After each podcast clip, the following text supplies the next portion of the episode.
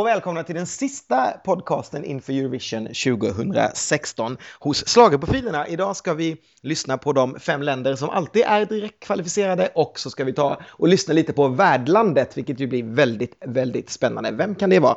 Ehm, jag är inte själv såklart. Ronny, du är här också. Tjena! Jag är alltid här. Du är alltid här. Ett steg bakom, ett huvud högre. Känns det sorgligt att det är sista podden, tycker du?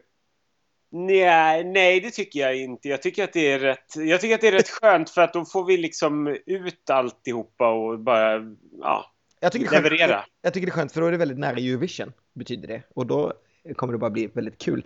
Vi har ju klart kvar vår ständiga panelmedlem. Vi behöll henne ända in i mål. Den tredje schlagerprofilen, den salta oliven i vår lilla söta schlagercocktail. Det är en Sanna Fahl. Välkommen! Tack så mycket. Jag håller med. Jag tycker allt som, det känns bara ett steg närmare Eurovision nu. Så att eh, jag är inte heller ledsen att det är sista podden. Jag är redo för Eurovision. Av för plåstret! Precis. Härligt att höra. Men vi har givetvis en gästtyckare med i dagens podd också. Och årets sista gäst, hon är just nu högaktuell med en ny EP med sitt band 500 mil. Hon är programledare för ett av radions bästa radioprogram, Pop och politik. Hon har varit August-nominerad, hon har varit Grammis nominerad och i år gjorde hon debut som expertkommentator i Melodifestivalens Andra chansen. Men främst säger hon här av anledningen att hon är en av den här trions bästa vänner och en lika stor Eurovision-älskare som vi. Anna-Charlotte Gunnarsson, välkommen! Ja, tack! Åh, herregud! Älskar Äntligen! Älskar Kens presentation. Det känns som så här att du är på väg mot svenska motsvarigheten till, vad heter det, i, i gott. In, i, ja, ja. Em- Emmy, Grammy, eh, Oscar, Tony. Ja, men det, och det, det är ju här det kröns, så att egentligen är jag ju framme nu. Det är en eh, Eurovision-vinst som krävs bara också. Så att det, Precis. hur är läget Anna-Charlotte? Det är ju fantastiskt. Alltså, det här har ju varit liksom, ja, det här har jag strävat efter att få vara med här. Vi, vi har ju försökt så många gånger och äntligen, det här är det roligaste som finns. Att få bara att få nörda ner sig i slager så att jag, jag, allt annat bleknar runt omkring mig. Vad härligt att höra. Det tycker vi också. Vi, vi har ju faktiskt adderat ytterligare en, en dimension idag eftersom det bara är vi fyra som är från samma gäng. Att vi tänker eh, snacka lite om ländernas tidigare bidrag också och ta fram lite favoriter eh, och sådär. Vi, har ju, vi tillhör ju faktiskt ett gäng kan vi ju avslöja som har gått igenom alla bidrag i Eurovision-historien någonsin eh, fram till i år. Men nu har ju vi gått igenom de här 43 också så man kan väl säga att vi har hört typ allt. Så ja, det är ju med den eh, bagaget som vi går in i det här. Det känns ju rätt härligt faktiskt. Mm. Ja, jag vet inte, ska vi börja direkt eller vad tycker ni? Ja, kör! Så kör Ja, Då är det du som börjar Ronny och tar med oss någonstans till en av de här tuffa länderna som alltid får vara med. Japp, då fattar vi baguetten och beger oss till Frankrike. Trots att de varit med i alla tävlingar utom två sedan starten så hade Frankrike aldrig någonsin kommit sist förrän 2014 när Twin Twin hamnade toksist i Köpenhamnsfinalen med Hanna-favoriten Mustasch. They were robbed! robbed. Ja, det var verkligen. Men om vi tittar bakåt så har landet rönt stora framgångar i Eurovision. De har fem guld och sju brons. Landet hade, hade några fantastiska första decennier i tävlingen, ett medelmåttigt 80-tal, men, men tog fart igen på 90-talet när man drev tävlingen framåt genom att plocka in etniska rytmer som inte hörts i tävlingen tidigare. Efter några undantag i början av 00-talet hade man dock det ganska tufft och intresset på hemmaplan stendog. Efter år av mörker så kom Sebastian Tellier körande i sin golfbil 2008 och intresset vände tillbaka. Året efter, 2009, stod superstjärnan Patricia Kass plötsligt i Eurovision och sjöng hem en snygg nionde plats. Men sen gick luften ur landet när favorittippade Amary Vasili bara kom på plats 11 i Düsseldorf med sin operalåt som många trodde var, skulle vara den slutgiltiga segraren. Sedan dess har landet placerat sig 22, 23, 26, 25 i finalen. Nej, Frankrike har inte haft det lätt i Eurovision på sistone. Men kanske är det på väg att vända i år. Den franska tv-kanalen France 2 valde årets franska bidrag helt internt och valet föll på den 32-årige israel-franske sångaren Amir Haddad. Amir är egentligen tandläkare men han har deltagit både i israeliska och franska talangtävlingar och i Frankrike är han mest känd för att ha kommit fyra i The Voice 2011. Nu satsar han på musiken och låten är ett spår från hans kommande debutalbum som redan var släppt i landet när den valdes ut att bli Eurovision-bidrag. Det här är Frankrike. J'ai cherché un sens à mon existence, j'y ai laissé mon innocence, j'ai fini le cœur sans défense, j'ai cherché l'amour et la reconnaissance, j'ai payé le prix du silence, je me blesse et je recommence. Tu m'as comme donné l'envie d'être moi, donné un sens à mes pourquoi. Tu as tué la peur qui dormait là, qui dormait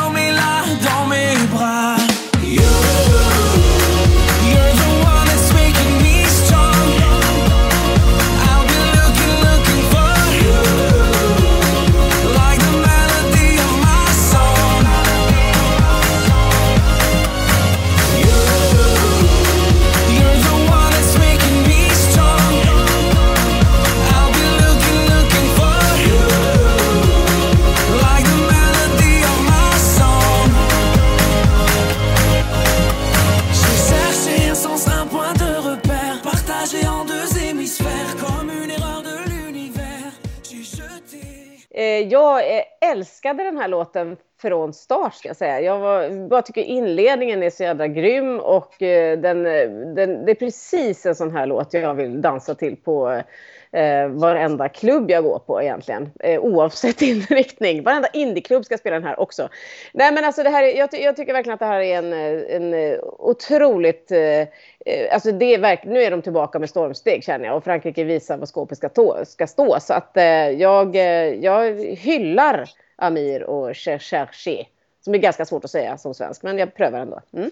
Fyra. Jag håller väl med Anna-Charlotta. Jag tycker att det här är bra. Eh, Den här hooken är ruskigt effektiv. Han är så här fransk snygg. Ehm, Men jag, inte, jag, jag vet inte, jag har skrivit stark trea här. Jag blev nästan övertygad av Anna-Charlottas hyllning. Men jag, jag, jag står fast vid min starka trea tror jag. Ja. Ja, alltså grejen var att när jag hörde den här första gången så blev jag också lite, var ganska förtjust och tyckte så här, men gud vad härligt, det här tillåt för mig att tycka om. Men sen så bara satte den fart och så bara skulle, blåste alla upp den till liksom, den här kommer vinna och den här är stor favorit. Och då var jag lite skeptisk för att så bra tycker inte jag att den är. Den är bra, den är härlig, men jag tycker inte att det liksom är så här en jag får ingen vinnarvibb av den. Eh, jag skulle bli superglad om den placerar sig, eh, om den placerar sig bra för det, det vore härligt med de här Big Five-länderna som, för de kommer ju alltid jättedåligt i finalen. Så det vore ju toppen efter de här fruktansvärda placeringarna som jag läste upp om, den, om det gick bra. Jag tror absolut att den kommer placera sig bra men eh, topp top, eh, top sju säger jag. Och sen vill jag plussa honom som jag tyckte vi- som jag träffade i Tel Aviv när jag var där. Han var superhärlig, jättetrevlig och svinbra på engelska och känns verkligen jättesympatisk. Och eh, han får en f- eh, femma, men låten får en fyra. Alltså jag har inte, innan det här programmet kan jag berätta för Anna-Charlotta, har jag inte gett en enda femma till en enda låt. Det har varit någon, en stark fyra i varje program, men inte några femmor. Men här kommer den skulle jag säga, för det här tycker jag är årets mest rena poplåt. Den är somrig, den är glad. Jag tycker att den lyckas med sitt språkbyte och få det hyfsat organiskt, vilket är ju otroligt ovanligt. Att ofta slänger de ju bara inåt för de vill ha lite engelska med, men det här liksom, jag tycker bara det funkar liksom. Jag älskar handklappstakten, jag älskar juljodlingen, även om vi har skickat den innan. Eh, jag fattar inte ett ord vad han sjunger i verserna, för jag kan ingen franska. Och jag tror att jag har rannsakat mig själv och inser att jag, jag lyssnar så mycket på, på vad folk sjunger annars och vilka texter de har och att de har någonting att förmedla. Men det jag älskar med Eurovision har jag förstått så här 43 år gammal är att de här texterna jag inte förstår, när jag bara kan så släppa loss och bara få in en känsla liksom och tänka gud vad det här är skönt, han kan sjunga precis vad som helst. Det är lite samma sak som Österrike som jag också gillar i år. Jag har ingen aning om vad hon sjunger men gud vad glad jag blir liksom. Så jag tror att det är därför jag gillar så här originalspråk i Eurovision. Det handlar ingenting om att jag är så konservativ och bara mm, språken är viktiga, utan det handlar bara om att jag personligen så kan släppa liksom det här med att vad fan är det de sjunger om? Utan jag bara, woo! Det här blir som är oerhört glad varje gång jag, jag hör den här. Den kan få upp mig på morgon och, morgonen och bara ut på morgonpromenad och yeah, yeah, yeah, yeah. Och sen så... Det, verkligen, det är precis samma här. Det är någonting med att orden och eh, alltså texten och musiken harmonierar. Ja men precis, precis så är det. Alltså jag tycker det här är helt fantastiskt. Det är en solklar femma för mig och så vet ju alla som känner mig, det här är ju liksom typ det perfekta mannen så här scruffy medelhavsmums liksom. Det, är ju, det finns ju inget annat. Det är ju så här jaktsäsongen i Eurovision för mig på sådana här män. Nej, det här är ju bara fem så det slår in i taket. Och sen är också väldigt förvånad över att den är så vinsttippad, för det känns som att det här är Ja, liksom, ja, inte något som vinner. Men jag tyckte det var härligt att du snävade in det till topp 7, Ronny. Inte liksom topp 10 eller topp 5. Men topp Men top jag 5 måste känns himla snävt. Så att jag, jag, vet inte. Jag vet, ja, den kommer säkert komma trea, typ. Eller... Ja, jag känner att den kan vara guys. Alltså, jag, jag känner att jag är lite förvånad här för att jag, jag hänger inte riktigt med i den här hypen. Jag tycker den är bra och allting men så bra är den inte. Det kommer bättre Big Five-låtar. Ja, mm. Ja. ja men kan man, kan man, jag tror att det kan vara lite Guy Sebastian, tror ni inte det? Och sen finns det liksom, och han kom ju femma ändå och ja, och där före var det ju några riktiga kanoners liksom och de är inte så många i år tycker jag kanske. Jag vet inte, jag hoppas i alla fall, jag håller med Ron, jag hoppas att det går bra. jag tycker videon är, är jäkligt bra också. Ja, det tycker jag också. Härligt, allt med det här är härligt. Börjat, Mm. och, och det du sa Ronny också, att Frankrike har gått så himla kast. Det är skönt att, de, att kanalerna satsar och att det märks. Liksom, att det får Ja, för att jag tycker, det känns som att de tar det på allvar. För det här är ingen så här, men det är ingen låtsaslåt. Och det, nej, men det är på allvar en danslåt och de vill verkligen att eh, folk ska upp på, på golvet fast till kvalitet. Och jag tycker det verkligen är ett starkt drag av dem att plocka in honom. Han, han står för allt som jag gillar just nu. Ja, absolut. Och så, och så tycker jag att han känns också väldigt skön när man ser honom live Mm. när jag kollat på en del klipp. Att han, det känns som att man, man kan lita på att han kommer klara av det här. Typ. En liten bonus som jag tänkte så här. Lite hur, franska favoritbidrag. Vad, vad har ni för några sådana? Har vi någonting? Kan vi enas om någonting som vi tycker är jättebra? Min favorit är ju Joel Arsuls White and Black Blues, men jag vet att Ronny hatar den. Inte enas. Jag vill lyfta fram Frankrike 1989, Nathalie Pack med voulais... Oh, gud, jag är så dålig på franska. La vie heter den väl. Eh, lite barnslager eh, som jag tycker är väldigt bra. Men jag säger nog ändå att eh, Sebastian Tellier med Divine från 2008 är min favorit. Golfbilen och allting. Han är och så mig. Ja men precis. Och oh, obs, även Twin Twin och Mustasch som jag på riktigt tycker rånad. Alltså skandal att den kom sist. Den är ashärlig. Ja, men alltså, jag gillar ju Nat- Natasha Saint-Pierres stora ballad från Köpenhamn 2001. Den är ju en stor favorit för mig. Det, det är nog den som jag skulle säga. Sen är jag extremt svag för Mamma Korsika. Nej, Det är ju också, jag älskar Mamma Korsika. Den kan vi ju enas om i alla fall. Gud, den mannen kan knulla en kamera. Nej, men alltså, jag måste ju säga Loa Soy l'Enfant eftersom det är den som fick mig att överhuvudtaget komma in på var- Jag satt och, och tittade på den och 77 och eh, var ju åtta år gammal och eh, sögs in i ett universum som jag inte har lämnat sedan dess. Eh, Marie Miriam liksom. Det var, det var något helt nytt och jag, det, jag, jag, det, även om det har kommit låtar som har varit bra. Alltså jag tycker ju Le Dernier qui a parlé var jättebra också. Eh, och eh, ja, det finns ju massa. Jag, Sebastian Tellier tycker jag också är jättebra. Men den var ju, den är för mig ett, en milstolpe. Då ska vi åka vidare till Italien faktiskt. Eh, Italien var med redan i den allra första tävlingen 56 och de har ju genererat en jäkla massa hits genom åren där kanske Volare från 58, den heter ju egentligen något italienskt, jag vet, men jag kallar den Volare. Det är ju en av de största hits som festivalen fått fram. Förutom det bronset så har de varit trea ytterligare fyra gånger, de har vunnit två gånger och plockat hem silvret två gånger. Senaste silvret var ju när landet återvände till festivalen efter nästan 20 års frånvaro 2011 då Rafael Gulazzi snodde silvret framför näsan på Erik Sade i Düsseldorf. Ja, jag vet. Jag har inte kommit över det. Vi fick ju vår revansch i fjol dock när eh, Il Volo var telefonröstarnas stora etta men vi kom som en liten joker i boxen och slog dem i alla fall. Jurygrupperna älskade ju Sverige. Absolut sista Italien bara kommit en enda gång, 1966, men utöver det så hade man faktiskt aldrig kommit sämre än plats 15 förrän 2014 i eh, Köpenhamn då Emma hamnade på en jättejobbig 21 plats. Ja, allt fokus i Italien, det har ju legat på eh, Sanremo-festivalen. De är inte så intresserade av Eurovision. Det är lite som i Sverige där vi är ju mest intresserade av Melodifestivalen. Sanremo var ju en gång förebilden för Eurovision och det är faktiskt från Sanremo som man har valt sina artister både innan det här eh, långa avbrottet och nu efteråt. I år gick Sanremo som vanligt av stapeln i februari och vann huvudtävling gjorde gruppen Stadio. En grupp som hade 40 år på nacken och det består av fyra äldre gentlemän. På grund av vinsten då i Sanremo-festivalen så erbjöds man en plats i Eurovision, men man tackade nej. Man tyckte man kände sig för gamla och man hade redan en turné inbokad och tyckte inte man hade Eurovision att göra. Då gick frågan till tvåan, den 20-åriga Francesca Michelin, som efter sin X-Factor-vinst 2011 eh, faktiskt blivit en hyfsat etablerad stjärna i hemlandet och som nu tar en förkortad version av det bidraget då som hon kom tvåa med i Sanremo till Stockholm. No degree of separation heter den på engelska. Det blev faktiskt den största hitten i Italien efter årets Sanremo-festival då, trots att man kom tvåa.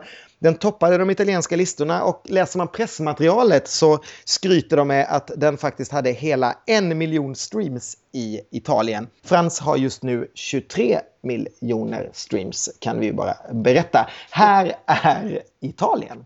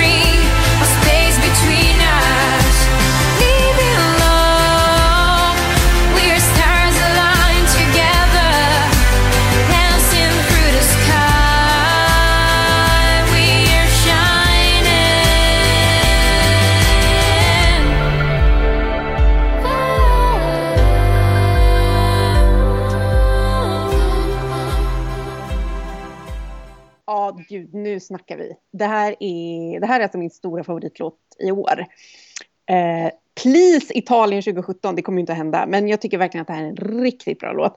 Eh, pampig, storslagen, den är väldigt italiensk, samtidigt så är den eh, liksom väldigt radiomässig, känns ganska modern på ett liksom, tidlöst sätt.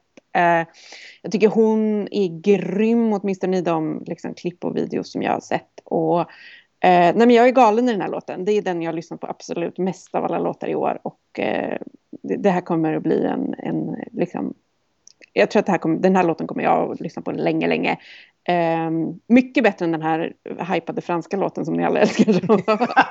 eh, den, här, den här får min solklara femma. Jag tycker den här är svinbra. Ja, exakt samma. Mm.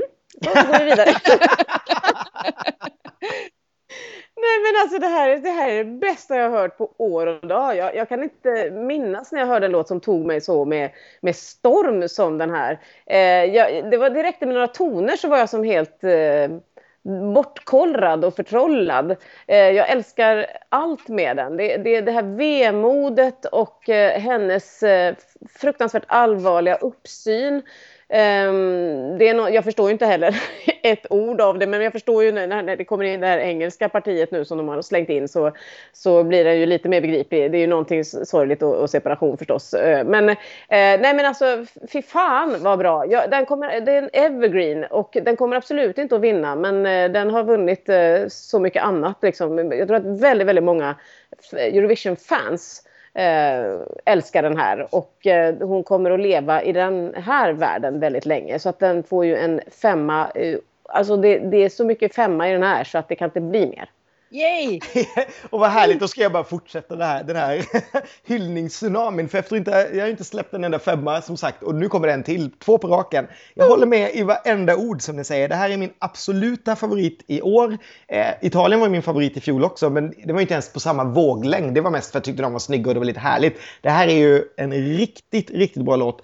Den bara sköljer över mig, jag köper det rakt av. Precis som du säger, Anna-Charlotta, den Eh, språkbytet gör att man förstår vad hon, vad hon menar, men för mig så blev den lite sämre. Jag lyssnar hellre på den italienska versionen, för den är, den är lite längre och den har en fantastiskt här, lång slutton som jag lite hatar att de bara har tappat bort i den här Eurovision-versionen som de kallar den, för de har bara klippt in, klippt in den som så här körparti bakom. Så hon sjunger bara vanlig refräng och sen hela den här jättehärliga uppbyggnaden, den bara dödar dem lite och ger till kören. Det kan jag tycka är lite synd, men det är ju bara för att, ja, det har man ju hört innan, låten är ju fortfarande helt Eh, fantastisk. Och jag älskar också i det här klippet från Sanremo att hon är så påklädd. Man är så van vid att se så här unga tjejer så otroligt liksom Ja, men framförallt från, från sydligare länder tycker jag, så här, ganska avklätt och lite så här onödigt. Liksom. Hon, är så här, hon ser ut som hon är amish. Liksom.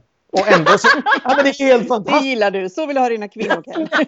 Du ska ha de här feta fransmännen. äger liksom, äger, jag tycker att hon äger Amish på något sätt. Liksom. Det känns som att hon bara, what the fuck, lyssna på vad jag har att säga istället. Liksom. Nej, jag tycker det är helt...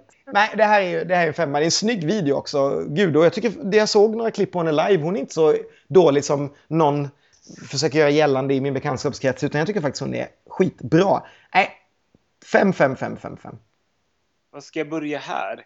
Eh, efter, efter den här tsunamin av, av femmor och tokhyllningar. Grejen är att precis som Hanna så skulle jag bli svinglad om Italien vann.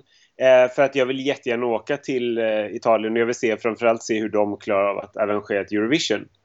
Sen känner jag lite grann efter förra året att de är ju faktiskt lite värda nu på något sätt. Att nu är det kanske dags liksom. Och det, hade, det var jag lite inne på att, så här, att jag tror att jurygrupperna kan plussa den här låten ordentligt. För Italien är lite grann på gång. Så att jag tror att den kan hamna väldigt, väldigt högt. Men jag tror inte att den vinner. Eh, jag tror att den kommer placera sig i topp 10 och, eh, och det är ju bra liksom. Jag tycker att låten är, är bra. Jag, jag tycker inte alls att den är så fantastisk som ni tycker. Jag tycker att det, det är en bra låt, liksom, varken mer eller mindre för mig. Så jag ger den en fyra. Det, det är godkänt. Vi behöver inte Det känns, slänga... det känns jag var som att orolig du att stod du trea förut när du lyssnade på oss och var höjde lite. Ja, nej, nej, nej, men jag tycker att den är bra. Den ligger på bland mina liksom, låtarna som jag spelar från i år och jag tycker att den är skön. Men det, det är liksom en så här skön låt som jag kan ha på i bakgrunden. Det är liksom ingenting som så här, tokberör mig. Men det är en skön låt och jag tycker att den är härlig. Liksom. Har italienska favoriter då, Anna-Charlotta? Har du någon sån? Har jag några sådana? Ja, herregud. Det är ju väldigt svårt att, att välja där. Alltså, vi har ju ja, Il Treni di Tosseur. Tycker jag Ja. ju väldigt mycket om. Åh, det är min Eh. också. Gud vad härlig. Mm. Ja, det är ju det. Alltså, då vann ju Herreys. Men det som har stannat kvar kanske i mig lite mer är ju då Alice och vad heter han? Battiato? Heter han så? Battiato, ja precis. Battiato. Henne gillade jag ju lite i övrigt också med så här, eh, från Eldorado och sådär. Och så Gente Di Mare. Vem är svår? Nej, vet du jag ska säga? Jag tycker årets. Nu Ja, säger härligt. jag årets. Gud Ja. vad härligt. Ja. Ja, alltså jag tror att jag, årets italienska låt kommer att vara en av mina stora favoriter tror jag i många år. Men jag, vill, eh, jag valde att lyfta fram 1977, Mia Martini. Ja. Libera, den tycker jag är god. eh, Min, min favorit är också i 3D Tussör. Och jag älskar att han ser ut som den här Palmemördaren bakom. Alltså, den här fantombilden när han står bakom. Det är så roligt. Två år innan Palmemördaren, att ingen fattade att det var han. Liksom. Det är bara- det är fortfarande- Den och så Gidiola Cinquettis Non håller tass som vann 1964. Den tycker jag också är fantastiskt bra. Men eh, det är de två skulle jag säga. Jag tycker också i Tosseur är fantastisk. Det är nog min favorit också. Men får man, i allt det här hyllandet så vill jag bara än en gång bara hata den där italienska låten som tog Erik Saades silverplats Ja. 2011. Jag kommer inte komma det var faktiskt Jag obegripligt. släppa det där för den är så fruktansvärt provocerande och dålig och det där är en musikgenre som jag bara får igång mig 180 liksom. För att det är så här jazztrams liksom med så här piano. Ja, Nu ska jag slänga ut en teori här efteråt sen när man visade hur de där siffrorna hade gått till sen nu några år efteråt. Om man såg hur de kunde fuska på den tiden. Jag tror, och nu ska jag vara helt jättesur, jag tror de sänkte Erik, jag tror de höjde Italien, de här länderna, för att de inte trodde att den hade någon chans. Och så höjde, för man kan ju bevisligen inte höja sitt eget land. Eh, och på det sättet så fick den oerhört höga poäng bara för att trycka ner Sverige och sen kunde Azerbajdzjan gå vidare och vinna. För visst var det så att just 2011 var väl ett sånt år då det var väldigt, poängen spriddes ut väldigt, Ja, väldigt mycket. Så att den som vann fick inte så mycket Nej. alls. Den minst 12 år någonsin hos en vinnare, tror jag. Alltså med tanke på hur många länder. Det är klart att när det inte fanns så många 12 år få så kanske de inte Nej, fick så många. Men, men det var en av de som har fått färskt, heter det inte minst. färskt. Färskt är så bra ord. Jag ska- är det jättebra. ha det ordet. Ja. Ha på tal om färskt. Nej, jag vet inte. Eh, Spanien kanske vi ska åka till Ronny. Ska vi inte göra det? Si, säger jag. Och ta fram sombreron. Nej, det är Mexiko. I Spanien har man inga sombreros. Spanien är ett land där man dansar tango lärde jag mig när jag var liten i skolan. gör man i Argentina. Jaha, och Finland. Okej, ja, ja. Spanien är det land som efter Storbritannien varit med längst i tävlingen utan avbrott. Man gick in 1961 och har sedan dess inte missat en enda tävling och man har ett brons, fyra silver och två guld. Spanien är det enda land i Eurovision-historien som två gånger fått sjunga om sin låt i tävlingen. Azucar Morenos trassel med den förinspelade musiken 1990 minns vi ju alla när kvinnorna stegade ut med barsk uppsyn och blev tvungna att göra om det. Och när Jimmy Jump hoppade upp på scenen i Oslo mitt under eh, Algo Pequenito när den framfördes. Eh, fram till 1999 valde man ut sitt bidrag internt men efter det testade man en lång rad urvalsprocesser där Operation Triunfo, en form av spansk eh, Fame Factory, med, hade enorma tittarsiffror. Det var det mest framgångsrika konceptet under de här åren. Mellan 2005 och 2011 kom man dock sämre än plats 20, fem gånger av sju. Så 2012 struntade man i uttagningar. Man handplockade Pastora Soler som fick landets bästa placering på åtta år. Eh, samma placering snuvade Ruth Lorenzo åt sig 2014 men förra året fick Edurne nöja sig med en 21 plats med eh, Eh, sin Gesson Boström skrivna låt. I år slutade man med de interna valen och släppte in spanjorerna i tävlingen igen. Vinnaren valdes med hjälp av internationella jurygrupper, tre kändisjurymedlemmar, bland annat Loreen och Edurne, och så tittarröster. 34-åriga Barei, en sångerska och låtskrivare med ett knippe singlar och några album i bagaget, fick mest av både tittarna och alla de tre kändisarna. Hon tävlar med upptempo-pop kryddat med house-piano. Det här är Spanien.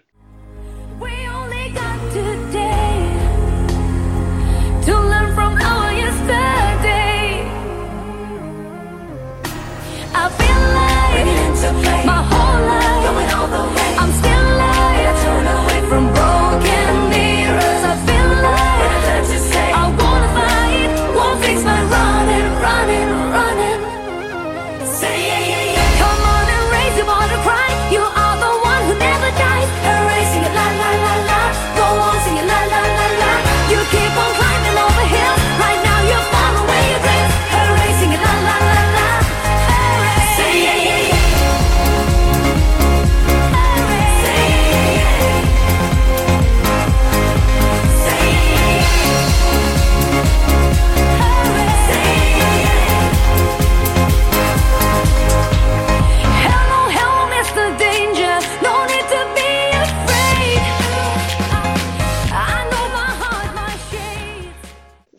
där som alla älskar och jag har, jag, nej jag kommer inte fram med den här.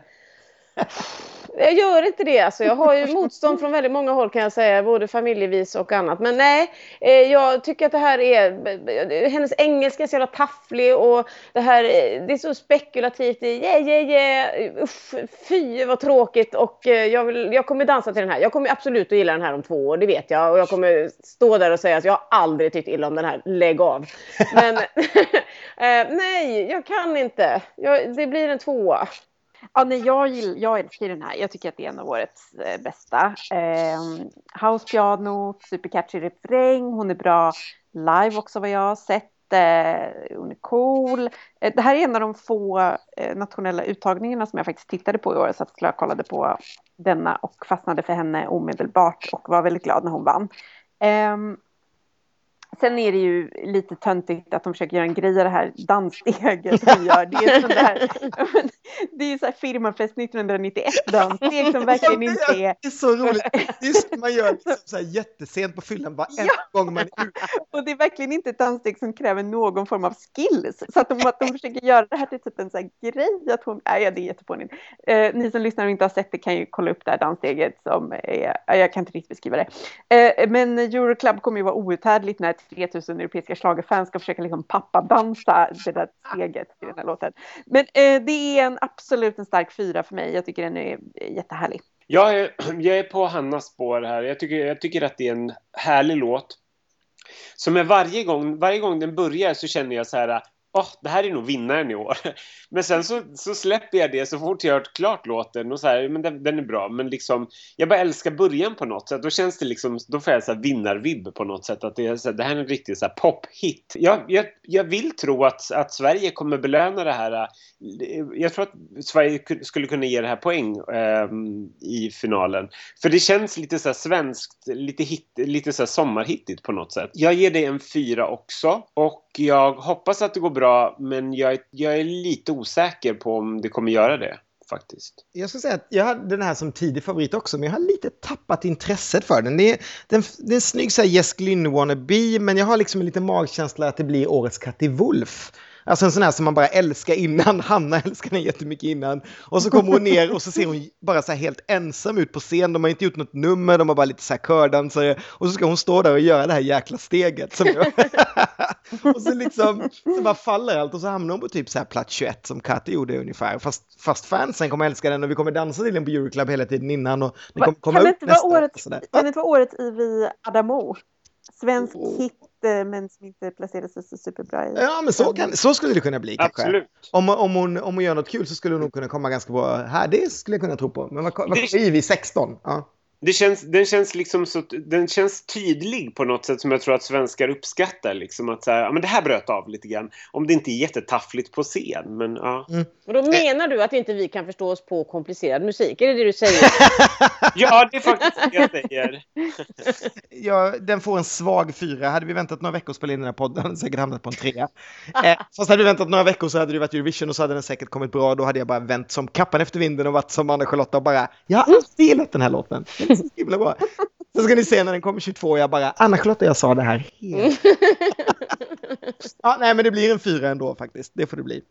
Spanska låtar. Alltså jag säger Asicam Morenos Bandido direkt. Eh, det är ju min stora favorit. Jag bara älskar det. Jag, jag vet inte hur många gånger jag sett det där klippet när de går ut i ren ilska och sen går in igen. Det tycker jag är helt fantastiskt. Det är min spanska favorit faktiskt.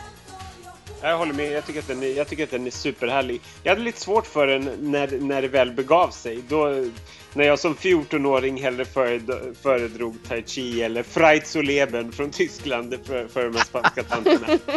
Men, eh, men sen vill jag även lyfta fram en, en av få gamla låtar som jag tycker om. Eres tu tycker jag är fantastisk. En av de bästa balladerna som har gjorts i Eurovision. Eh, ja, nej, men jag instämmer med eh, Bandido faktiskt. Den är asbra. Eh, om jag ska nämna någon annan låt så är jag faktiskt ganska svag för Dime eh, 2003. Mm. Ja, den är härlig. Som jag gillar också. Ja, ja men Eres tu är så självklart bäst tycker jag. Den är, det, jag tycker den har samma så här, vibb som jag tycker Italien har i år. Det här någon slags så här, pompöst och eh, b- som sätter sig och som aldrig kommer släppa. Och Bandido självklart för den är så himla, alltså den är så rolig för att de är så här, det här som händer i starten där är ju som, som liksom signifikativt för hela låten. Det de har tänkt att utstråla när de sjunger utstrålar de på riktigt liksom. det som händer. Men sen så tycker jag, jag kommer alltid tycka att Remedios Amaya är fantastisk med sin konstiga hesa stämma och allt det här som pågår liksom med, med Ken Maneja Mibarka. Så att den, den vill jag ändå bara prata om lite grann. Kan vi prata lite om den? Vi kan prata lite om den. Vad, ni vad säger ni om den? Jag var lite så här rädd för henne nästan. Ja. Och, sen, och sen så tror jag att jag hela min barndom, det var ju liksom min så första då, eh, verkligen så här Eurovision. Jag kommer ihåg 83, allting sitter liksom. Jag trodde alltid hon var från Grekland för hon var blåvit. Det är så här jättekonstigt. Hela min barndom trodde jag att hon kom från Grekland. Jag bara, den här arga grekiskan som fick noll poäng. Men, jo, ska då. Men det är ju en låt som fortfarande sitter. Alltså jag skulle fortfarande kunna yla den. Jag tycker hon är läskig fortfarande. Men Acusa Moreno blir man också rädd för. De ser också hatiska Ja, ja. ut.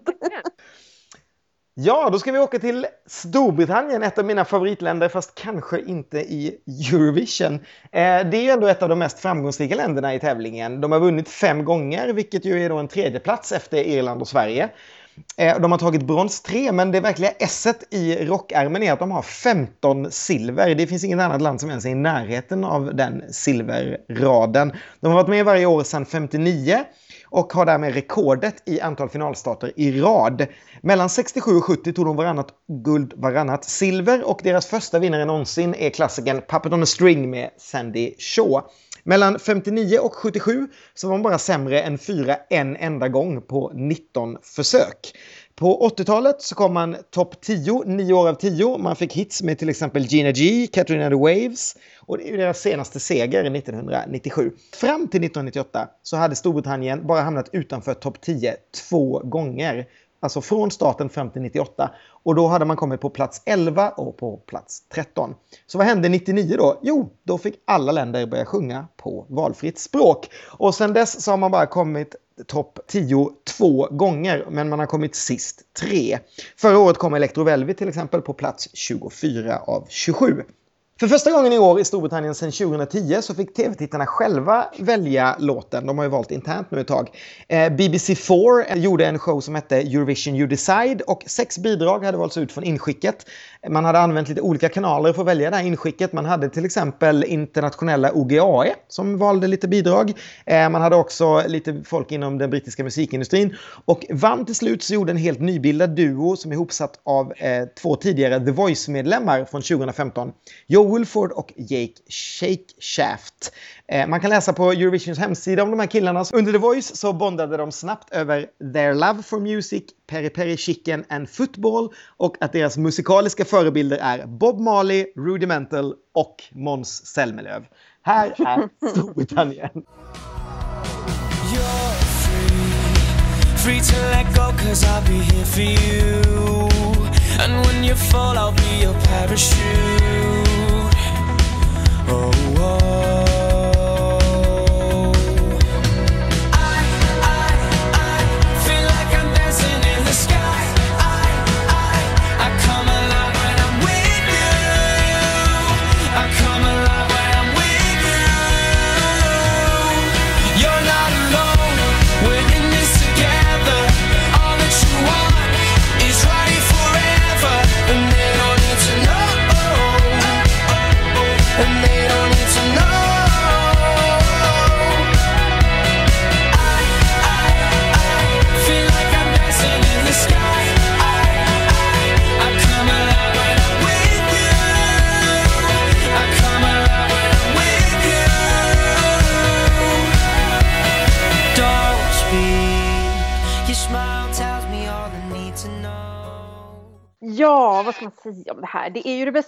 Som Storbritannien har skickat på ett gäng år. Eh, det kan man ju säga, men det, det faktumet är inte så himla mycket värt för att de har ju bara skickat skräp på, i evigheter.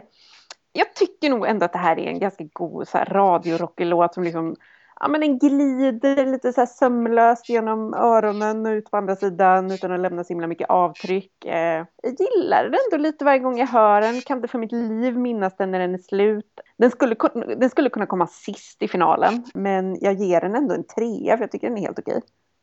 Ja, vad ska man säga? Alltså det är ju, det, det, är, det är ju intressant när du säger det här med att man började sjunga på engelska och alla liksom fick ta, ta del på samma villkor. För att det är ju det som gör att det, det märks på något vis att England... eh, Ja men det, det krävs någonting extra av alla länder och alla kämpar som fan. Och jag tycker inte alltid att England gör det helt enkelt.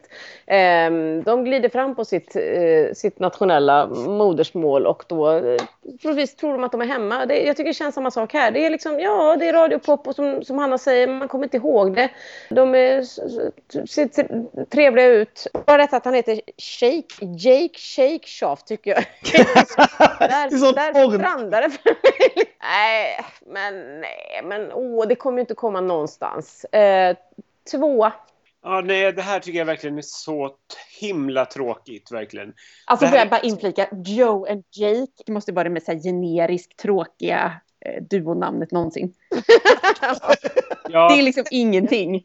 Nej. Det är verkligen ingenting. jag, jag kan liksom inte för mitt liv se att det här, att det här ska funka någonstans. Det, det känns så total onödigt liksom. När man, när man ändrade urvalssätt på något sätt för att få fram någon låt och så bara... Det fanns några låtar som jag kanske tyckte var lite bättre. Det var ingen vinnarlåt i deras uttagning. Men det, var- det var några som var lite bättre. Men det här är verkligen så svintråkigt så att jag, jag vet inte vad jag ska ta vägen. En solklar etta för mig. Alltså, och jag- den kommer komma sist.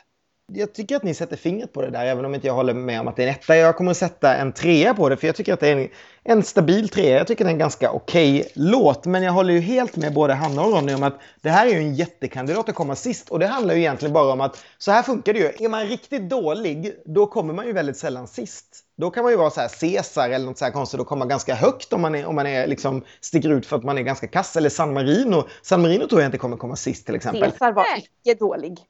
Okej då. Om man vill komma verkligen sist i den här tävlingen, då ska man ju skicka det här. Något så här kompetent, det låter lite Coldplay, det låter lite radio, men det är ju så här, det finns ju ingen som kommer att ha den här låten som sin favorit. Någonsin. Det finns ju ingen som går igång på det här. Man blir ju liksom inte arg på det, tycker jag. Och sen samtidigt höll jag med, det är ju det bästa de har skickat på år och dagar, men det är ju en lång väg kvar om man ska komma topp 10. Och jag hade ju hoppats att de skulle få belönas med någon bättre placering nu när de äntligen...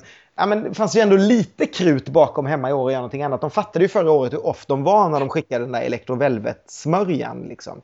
Men nej, alltså jag ger den en trea för att jag tycker att det är ganska bra. Men allting ni säger är ju sant. Det är så generiskt. Det är så mycket glas vatten, folk kommer glömma bort det.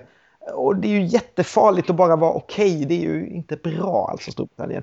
Det du säger det är ju så här, ja, man blir inte arg på låten. Nej, men jag blir ändå förbannad på, på landet för att de inte bryr sig mer. Alltså det är så här, sluta eller var, med, var med på våra villkor då. Men jag tror, att, de, lite. För jag tror att det är så här, väldigt länge har de ju bara sett ner på det. Och ja. sen fått en knäpp på näsan nu när det, i alla fall när Sverige och många bra länder har kommit ganska högt. Så här med, Loreen har legat på Englandslistan, Måns låg på Englandslistan. Att det liksom syns att det går att tjäna pengar på det. Mm. Och då är man helt... Sanna låg på Englandslistan. Ja. det gjorde hon faktiskt. Ja, det gjorde hon faktiskt. Ja. låg Emily de Forest, inte på Englandslistan i alla fall. Nej, men, men äh, äh, Conchita, var det, Conchita blev ju också ett fenomen i Storbritannien som alla kände till. Liksom. Så att då fick man på något sätt, även om Conchita kanske var vatten på den andra kvarnen, så har man ändå märkt att det, att det kan hända men, någonting. Ja, men om det nu är det här uppryckningen så säger ju inte det någonting. Nej, jag vet, men jag tror att de är så förbi, de vet ju inte hur man gör. De är ju... Svårt, de är, de är lite lost. Lyssna. Ja. jag är skitsur. Ska vi plocka upp några bra saker Storbritannien har skickat genom åren då? Gina G! Jag älskar Gina G! Ja, det är ju härligt. Jag får ju trycka, jag får ju verkligen pusha lite för Frances Ruffels Lonely Symphony som var med 1994. Det tycker jag är en så här, jag bara älskade den 94. Det var liksom en av mina få så stora 90-talsfavoriter. För jag lyssnade inte så mycket på Eurovision under 90-talet, men den är verkligen en av mina favoriter. Och så gillar jag så Sweet Dreams, I'm Never Giving Up från 83 då. För 83 gillar jag typ alltid. ifrån. D&D står i en klass för sig verkligen. Jag älskar allting med det numret och låten och henne och allting. Det är bara så fab med det här stora härliga röda håret och den korta klänningen. Och...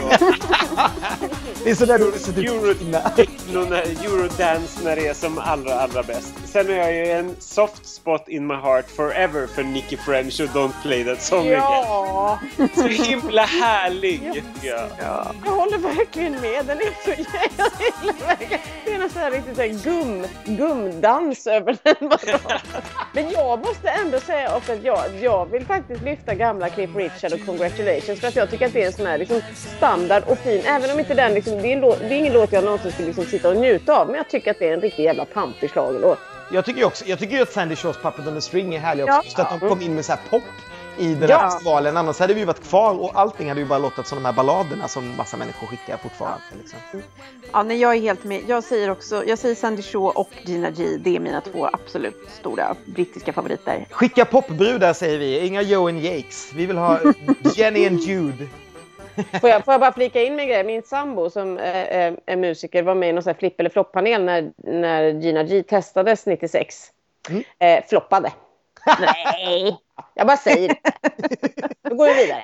Lite 90-talsnostalgi. Eh, och 90-talsnostalgi, vilket land står mer för det än Tyskland, Ronny? Ska vi åka dit kanske? Eh, Tyskland är faktiskt det land som varit med flest gånger i Eurovision Song Contest. De var med i den allra första tävlingen 1956 och sedan har de varit med i alla år. Ja, alla år utom ett. Året de missade var 1996 när så många östländer ville vara med så fick eh, alla kvala in i ett hemligt kval som jag kommer ihåg att kvällstidningarna skrev om att nu var One More Time klara för det här kvalet.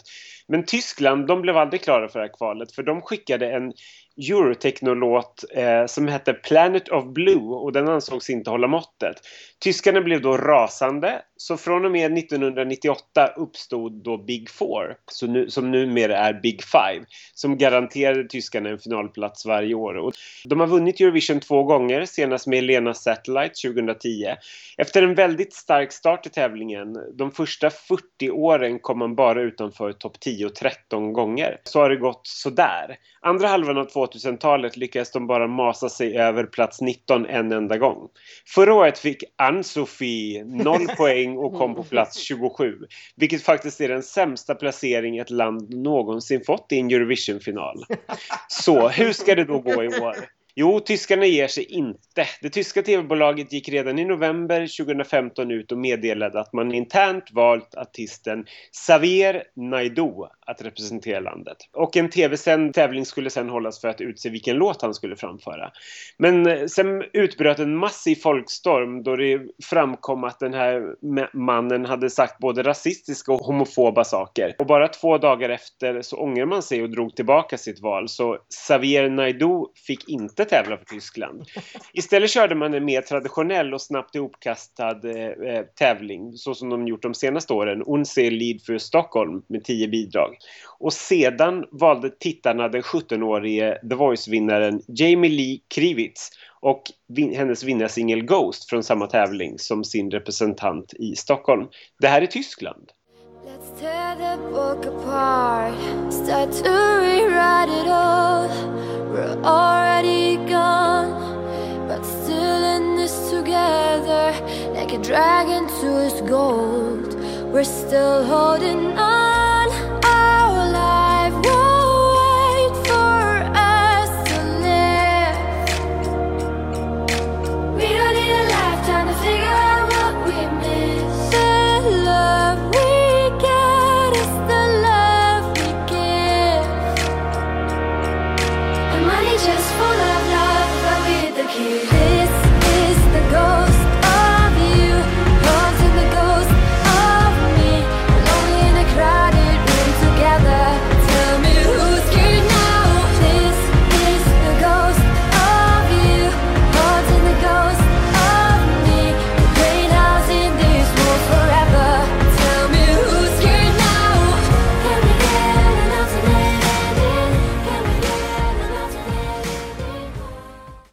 Gillar det här jättemycket. Eh, det här är en låt som jag eh, tyckte så här halvbra när jag började lyssna på den. Men ju mer, jag, det, alltså den sätter sig ju som fan.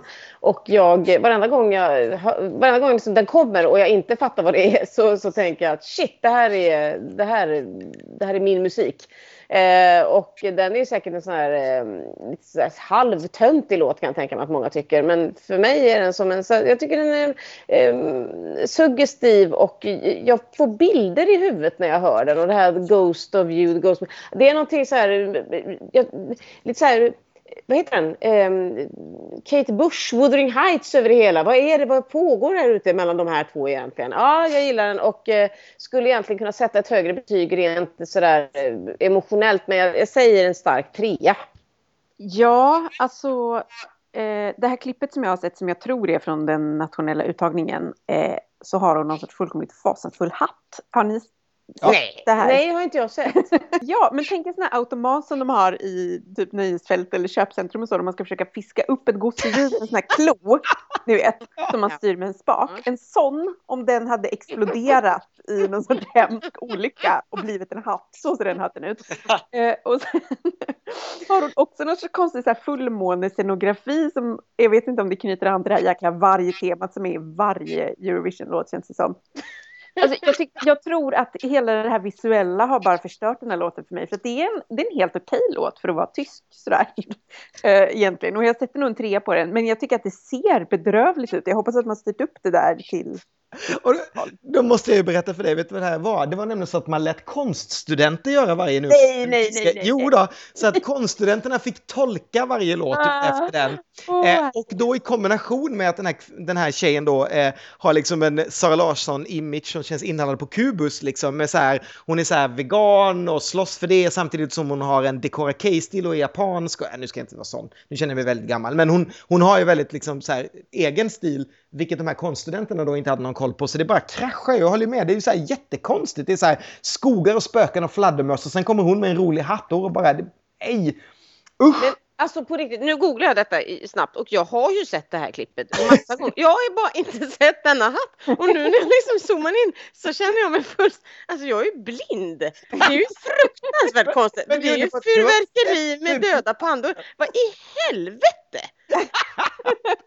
Jag älskar att du har sett förbi Alltså jag, Jag kan inte vara med i en sån här podd. Ni får ju säga, ta bort mig härifrån. Dum i huvudet.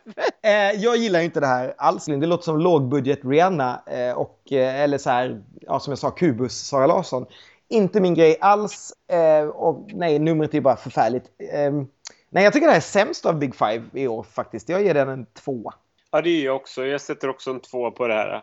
Jag tycker det är inte, det är inte alls min, min musik och jag tycker bara att jag, jag glömmer, den är så anonym bara på något sätt. Den bara, den, den bara pågår.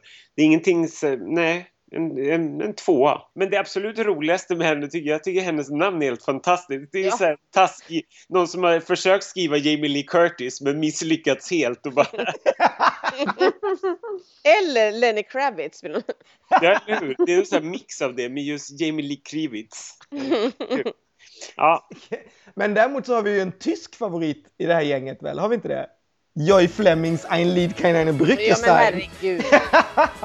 en, en härlig liksom, låt som vi faktiskt när vi röstade om alla bidrag genom tiderna dels fick representera Tyskland och dels kom tvåa, var det inte så? Jo, det gjorde det nog. Ja. Men, jo. Men, men jag, jag är lite, jag är lite Anna-Charlotta där. Att jag, att jag, bara, jag har liksom bara blundat för att den här... För det måste vi ha nämnt, att den, att den kom så pass dåligt när den väl tävlade. Lied keine Brückestein menar du? Ja. ja.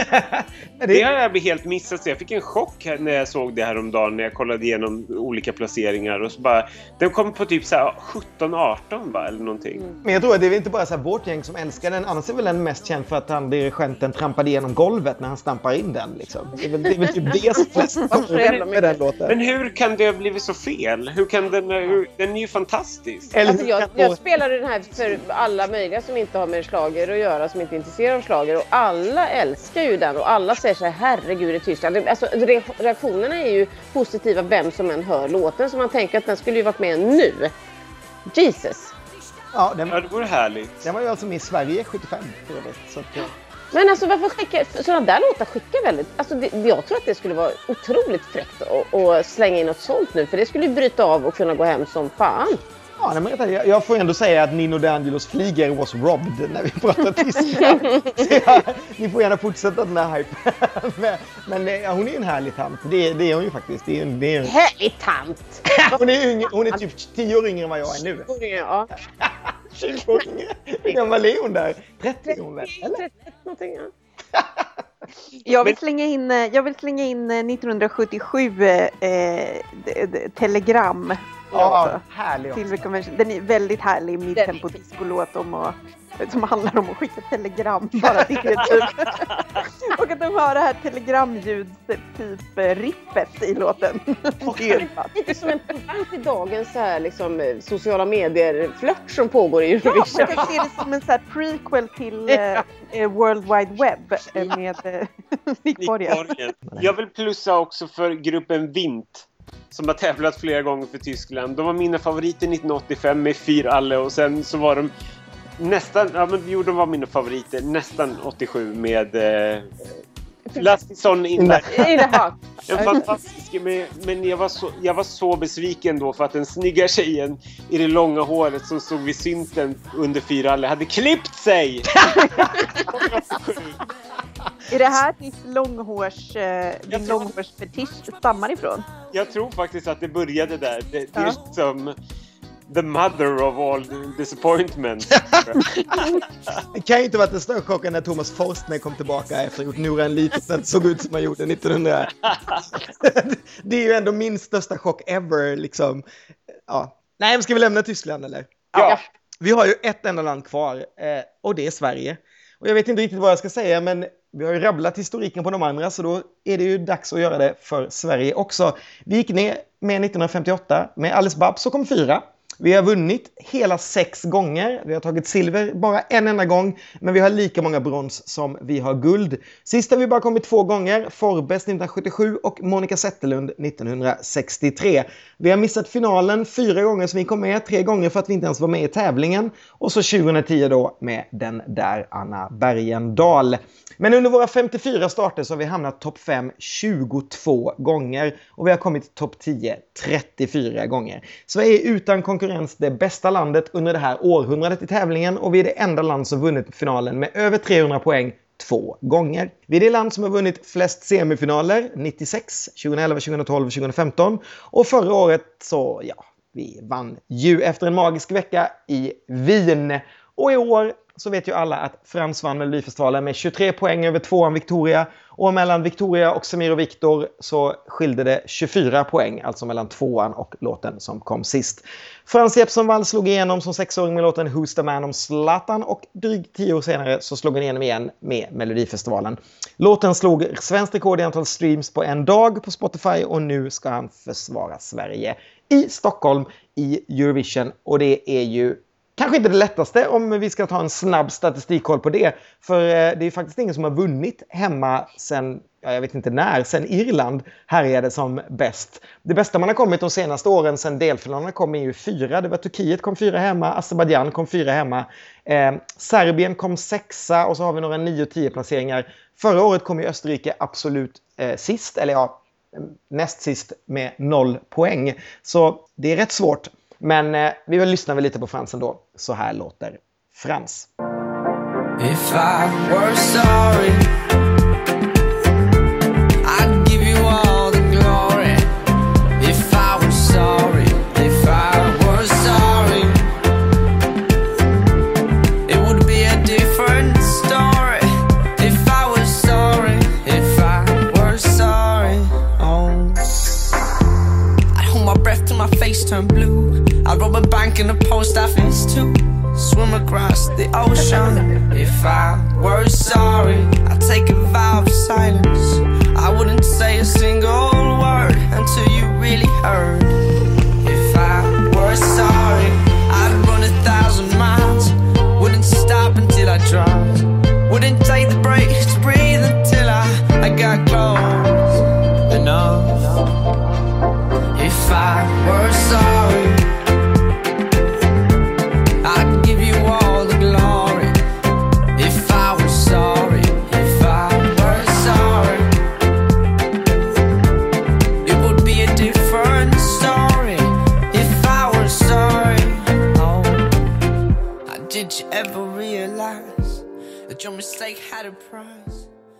Kommer förstöra stämningen nu. Det här är inte, det här är inte min låt. Eh, jag var team Oscar Sia i år. Eh, jag hatar inte franslåten, men alltså jag, jag kan inte komma över hans den här jobbiga indie-svenska quirky uttalet. Jag är jätteallergisk mot det. Och jag vet att alla säger att nej, nej, men hans pappa pratar engelska så det är helt autentisk brittisk dialekt. Nej, bullshit, det är inte en autentisk brittisk dialekt. Jag tycker den är superirriterande. Och det här irriterande no i slutet, att den slutar så, är också... Ah, det bara kryper i hela kroppen. Um, Ja, Frans är gullig. Jag tror att den här låten kommer att hamna topp fem i finalen. Eh, den får inte mer än en trea från mig. Eh, jag tycker att det är en helt okej låt, men eh, det, det, är bara inte min kopp te. Ja, jag lämnar det där. Ni får, ni får peppa upp stämningen nu. Varsågoda. Då kommer jag att eh, peppar upp stämningen genom att säga ungefär samma sak. Eh, för att jag, nej men jag var ju också team Sia i finalen, helt klart. Och jag gillade även Constellation Prize väldigt mycket. Eh, och eh, höll på Frans på något vis för att jag bara kände på mig att han skulle vinna och hamnade i någon slags så här eufori kring detta.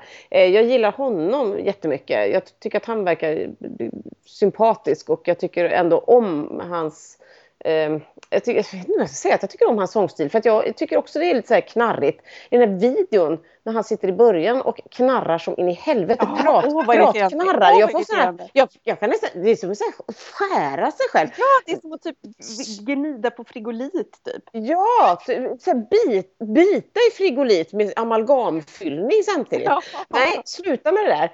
Eh, Och för att det också ska vara lite så här sexigt manligt i det här knarret. Det, nej, usch. Men, men, men låten i sig är ju liksom, jag, jag gillar ändå låten och jag tyckte att den stod för någonting annorlunda fram till att jag hörde den här jävla originallåten och då blev det ju som att det la sordin på allting. Så att jag eh, tycker att det är lite tråkigt för att eh, det var redan gjort och då drog det ner allting. Så att det, det blir bara en trea från mig också. Originallåten, är det Catch and Release vi pratar om? Ja.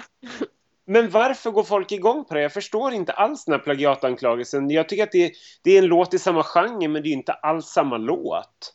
Men du måste ju höra ändå att det är liksom, slingorna är väldigt likartade periodvis och att hans frasering är oerhört lik eh, den som Fransen kör. Men det är ju, en, det är ju, en, det är ju typ en så här tonslinga som är lik. Då är ju, Två stycken slingor är skitlika tycker jag. ja, men då är det ju samma sak med Kroatien. Allting är ju liksom likt. Det där Ja, tycker jag bara så här, jag tror också så här, för jag stör mig också på likheten, men, men på ett sätt som, men det är ju egentligen samma sak som Måns ja, plagiatanklagelse. Måns var ju mycket, mycket värre i så fall. Ja, och då, och jag gillade ju Måns-låten så då störde jag mig inte på det. Nu gillar jag inte Frans-låten så då stör man sig. Ja men det är ju så. Ja, men det är ju något så här, det är något så här team Vi som hatar Frans som har börjat med det här, vilket stör mig ordentligt. För det finns ju ett sånt stort hat mot den här stackars 17-åringen som är uppbyggt. Och det är alltid så här, hans engelska är ful fast han har pluggat i London i ett år. Han har snott låten, han har ful mössa, han är lite töntig. Bara, Killen är ju 17, vem hade inte så här konstiga manér när man var 17? Det är ju jättekonstigt att alla ska Ja, ha en massa liksom, åsikter om det. Och jag tycker verkligen inte, låten har ju inte snott någonting mer än, än någon annan låt. Men det är verkligen massa av mina vänners så här främsta argument är plötsligt att låten är snodd. Vilket är så här, det är människor som tycker att så här, Listen to your heartbeat med Friends är en originallåt. Man bara, va? Var kom det ifrån liksom? Jag vill verkligen understryka att jag absolut inte hatar Frans. Det vill, måste ju ändå framgå att varken Hanna eller jag hatar honom. Nej, nej, nej, det- nej, nej, nej. inte Frans är härlig. Mm, Frans är härlig. Ja, men jag tycker bara det är så konstigt att, att, liksom, att den här låtgrejen, just där har folk använt den här plagiatgrejen. Men förra året med Måns, alla bara “men gud, det låter ju inte ett dugg likt” och herregud, det där numret är ju så originellt. Det var, de har ju bara lånat en gubbe med hatt. Och man bara, vi snor saker, punkt. Det gör vi bevisligen. så liksom. Och jag, jag tror verkligen inte att de har suttit så här, den här hitten ska vi göra ett plagiat på, den var bra, den kör vi, den blir nog liksom mest spelad på Spotify. Det är ju ingen som har hört den låten ever. Grattis honom säger jag att han hoppade upp till plats 42 i en kvart på, på listan, den här snubben, vem det nu är. För, för helt plötsligt så, så refererar folk till den här låten som om det är typ Umbrella eller vad? Alltså, låt alla vet exakt vad det är. Och, Och jag säger bara Måns, hade någon hört den låten han kopierade eller? Nej, det var ju alltså, men där bara, nej men vadå, allt låter ju sådär nu, det är Avicii va, allt låter sådär nu. Och sen bara en Nej, obskyr... Nej, fast det där, hade jag varit med i den här podden förra året så hade jag antagligen sagt det. För jag tycker faktiskt det. Jag tycker så jävla illa om när man ändå när man inte gör någonting eget. När man inte, just melodislingor. Jag tycker att det är skittråkigt när man återanvänder saker som ändå är, är ganska uppenbara i låtar. För jag, jag skulle bli så jävla sur om det var jag som hade gjort det. Men jag hade skrivit, då spelar inte det, jag säger inte att, att Måns, eh, om vi nu ska kalla det då, kopieringen var, eh, var bättre. Jag tycker det är skittråkigt när man, när man liksom inte kan komma på något eget. Och det, det spelar ingen roll vem det är som gör det och jag kommer alltid slåss för det. Men det finns Det är ingen chans att man tror att liksom, de verkligen har skrivit den här slingan två gånger, att det finns så i musik att man Ja, plötsligt det skriver kan samma. det vara, men jag tycker väldigt mycket är likt. Och det, skit i det, det är inte säkert att det har hänt, men jag tycker att det finns ganska... Och jag vet att jag hörde den här någon gång innan jag stod på ett eh, bageri och hörde låten och blev helt som så här, knockad av att jag kände igen allting från Frans låt. Och då hade jag inte hört de här eh, anklagelserna. Här. Det var som en sån här, "Sh, vad fan är det här? Och sen så började det komma. Så att jag hörde det ju utan att veta om att det var i rullning ens. Så att nog finns det där. Det blir väldigt jobbigt att lyssna på Eurovision bara, när man, om man har den här, Ja, ja, okej. ja, okej. Jag tycker att den här låten är jättebra. Jag tycker det är skitkul att han vann. Det var helt rätt vinnare tycker jag. Oscar hade inte tagit sig någonstans i den här tävlingen. No offense, jag älskar Oscar. Men den låten hade ju inte, det hade inte hänt någonting med den. Jag tror att vi kommer placera oss topp fem, vilket vore fantastiskt. Jag hoppas att vi kommer tvåa, för det känns så surt att vi bara har en silverplats. Vi vill väl inte vinna igen ändå, så att det vore väl fantastiskt om vi kom tvåa. Jag tror att, jag har lite grann en sån här teori kring det här, för det pratas så mycket nu inför och, så här, och hur ska det gå folk som tippar. Alla som tippar är fans. Alla som skriver om det här är fans. Mm. Fansen hatar Frans, eller, eller så finns det en liten klick som gillar honom. Men den större delen tycker inte att Sverige är värda att vinna igen, absolut inte. Och framförallt inte att det ska gå bra för den här låten. Därför hamnar han jättelångt ner i allting så att han är inte riktigt med i spelet längre. Han syns på bettinglistorna men det är det enda. Annars liksom nämns han inte och folk skriver inte så mycket om honom. Och fansen rankar honom väldigt långt ner i sina omröstningar så här långt. Men jag tror att för den här låten kommer det verkligen att hända den kvällen. Just där och då, under de här tre timmarna, så kommer, så kommer folk bara bli lika blown away som vi, som svenskarna blev första gången de såg honom. För han har någonting magiskt över sig och låten är här, den är nu, den är superbra och det är en femma. Tack och hej! It's here, it's queer, it's used to it. Jag är inte alls lika säker på att det kommer gå så, där, så bra som du tycker. Det är härligt. Det är alltid så här, när jag känner mig som mest nere över den låten så kan man ringa upp dig Ronny, för du är alltid så här, det är klart att den kommer topp tre. Det är bara helt underbart liksom. Eh, däremot har jag ju älskat låten sen i september. Liksom. Jag har ju slagit den låten med näbbar och klor. Nu hade ju inte jag hört originalet innan då kanske. Men eh, jag tycker att den är fantastisk. Jag bara, det är låten som jag har gillat hela vägen innan jag ens visste vem Frans var. Nu tycker jag att han är rätt trevlig. Eh, väldigt ung såklart. Eh, har ju ett sätt som verkligen stör Eurovision-fansen å det grövsta skulle jag säga. Det är så här, det är jättejobbigt både för de här äldre männen som främst är Eurovision-fans och ta att det kan komma en ung kille men också för de unga killarna och se någonting som är så här. De, de använder precis samma saker som ni pratade om innan, tycker att han är liksom Ja men det är väl lite för så här dudigt, att det känns lite för så här eh, Ja, men lite så här, jag är för ball för att bara vara 17-grejen, den stör folk någonting otroligt. Och då såklart, vi hade en sån fruktansvärt fin final i Melodifestivalen i år. Så det är så många som stör sig på att deras favorit inte vann. Och fortfarande inte kan komma över att Victoria inte vann eller att typ, eh, ja, då Constellation Prize eller Oscar eller så vidare. Det var så mycket bra där. Eh, jag tycker ju att vi valde rätt låt. Det är ju kul att vi väljer någon låt som kan bli en sån enorm hit, att vi fortfarande skickar våra hits till den här finalen. Sen är jag lite rädd att vi kanske är lite före. Det här låter ju för mig, precis som Ronny säger, väldigt mycket nu. Jag är inte säker på att festivalen är så mycket nu. Jag tror att festivalen kanske är lite mera är Ryssland eh, än vad den är Frans. Men eh, härligt om vi ska testa någonting som är nu. Om vi ska driva den här tävlingen framåt så ska vi väl göra det när vi har vunnit. Eh, vi måste ju ändå vänta två år till vi har byggt en arena i Göteborg med att vinna nästa gång. Så eh, femma såklart från mig också. Även om jag är så här helt mentalt slut av att debutera om den här låten med fans, eh, med fans på Twitter. Så att när jag väl kommer fram till eh, Stockholm så kommer jag inte ha ett ord till att säga om Sverige. Jag kommer bara titta på det här och kommer inte ens orka prata med dem. 16 poängen då, det var ju inte illa för Frans. Eh, näst bäst idag tillsammans med Frankrike. Eh, Italien överlägsen på 19 poäng. Eh, Spanien på 14, Tyskland på 10 och Storbritannien på 9. Ändå väldigt, väldigt höga poäng måste jag säga. Alla de här poängen hade till exempel räckt till en finalplats i första semin. Eh, om vi slår fram de två programmen, då räckte 9, Mm. poäng till en, till en finalplats. Så att, otroligt stark Big Five i år skulle Ja. jag säga. ja, det tycker jag också. Anmärkningsvärt. Det är väl bara, det är väl bara eh, Storbritannien som kanske inte man tror kommer vara med och slåss någonstans. Nej, kanske. precis. Och Sverige då som jag är fortfarande livrädd för. Jag, dels också, ni vet, om man har slagit så här mycket mot fans så förstår ni ju vad som kommer drabba mig efteråt om vi kommer typ 22. Ni kan ju bara Nej. tänka er. Ni kan Nej, ju det bara, kommer inte hända. Jag tror också Frans kommer topp fem. Ja. Faktiskt. tror vi att det bara händer sådär liksom? Ja, det tror jag. Har vi förresten pratat om vad som är Sveriges bästa bidrag genom tiderna? Alltså, Judy min vän säger jag då. Det var ju lite oväntat. Ja, särskilt eftersom Tommy Körberg är jag. nemesis. Ja, Tommy Körberg med Nemesis eh, stammar eh, från året när Ravaillax var med och han blev så fruktansvärt arg på saker jag skrev om Ravaillax i DN. Eh, att han eh, skrev in en passus om mig i sin krogshow och att Ravaillax skrev en ny vers där de eh, hånade mig när de framförde låten i Allsång på Skansen. Är det sant? Sjukt. Det är helt... Men vänta, vad, vad kan man se det här någonstans? Nu låter du som att du är ute och dyker, Anna-Charlotta, men jag tror att hon frågade om man kan se det någonstans. Jag det eventuellt finns på Youtube. Jag tror att de nämnde mig och Anders Lundstedt typ i den där nyskrivna versen i eh, Allsångsframförandet. Krogshowen har jag inte varit på. Den har jag bara fått rapporter om att han hade någon sorts eh, snack om, eh, om mig. Ja. Ja, ja, och här står du och hyllar honom som den bästa. Här står jag och hyllar honom för jag tycker Judy min vän är en helt eh, fantastisk, eh, eh, otroligt fin låt. Eh, ja, jag säger den. Jag har så många svenska favoriter. Det är klart att man inte... Det är klart att Euphoria står i en klass för sig. Mycket för att det är en fantastisk låt, men även för att den fick så, gick så bra och blev en hit utanför tävlingen, vilket jag tycker är superkul.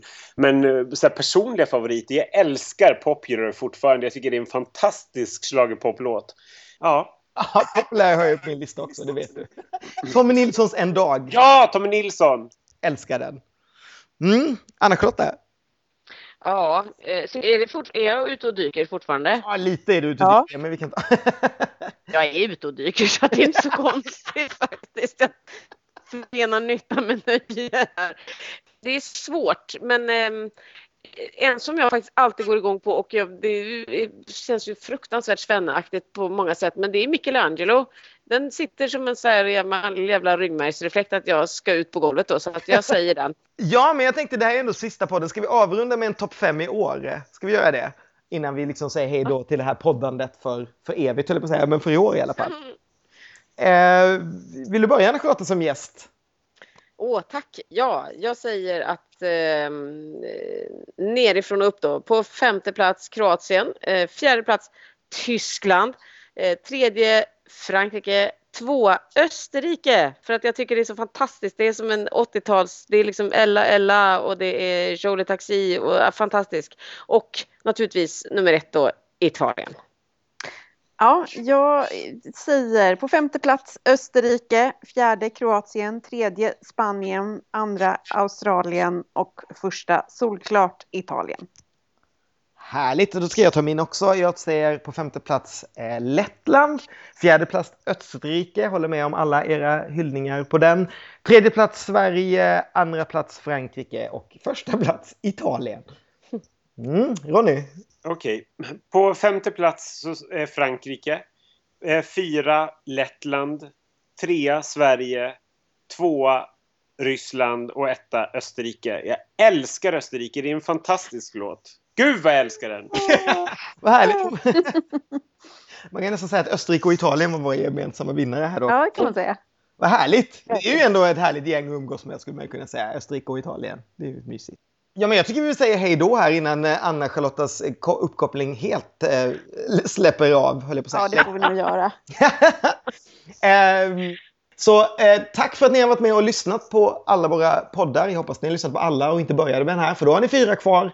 Eh, vi ses på Eurovision hoppas jag och eh, heja Italien, heja Österrike och heja Sverige. Eh, hej då! Hej då! Hej, hej!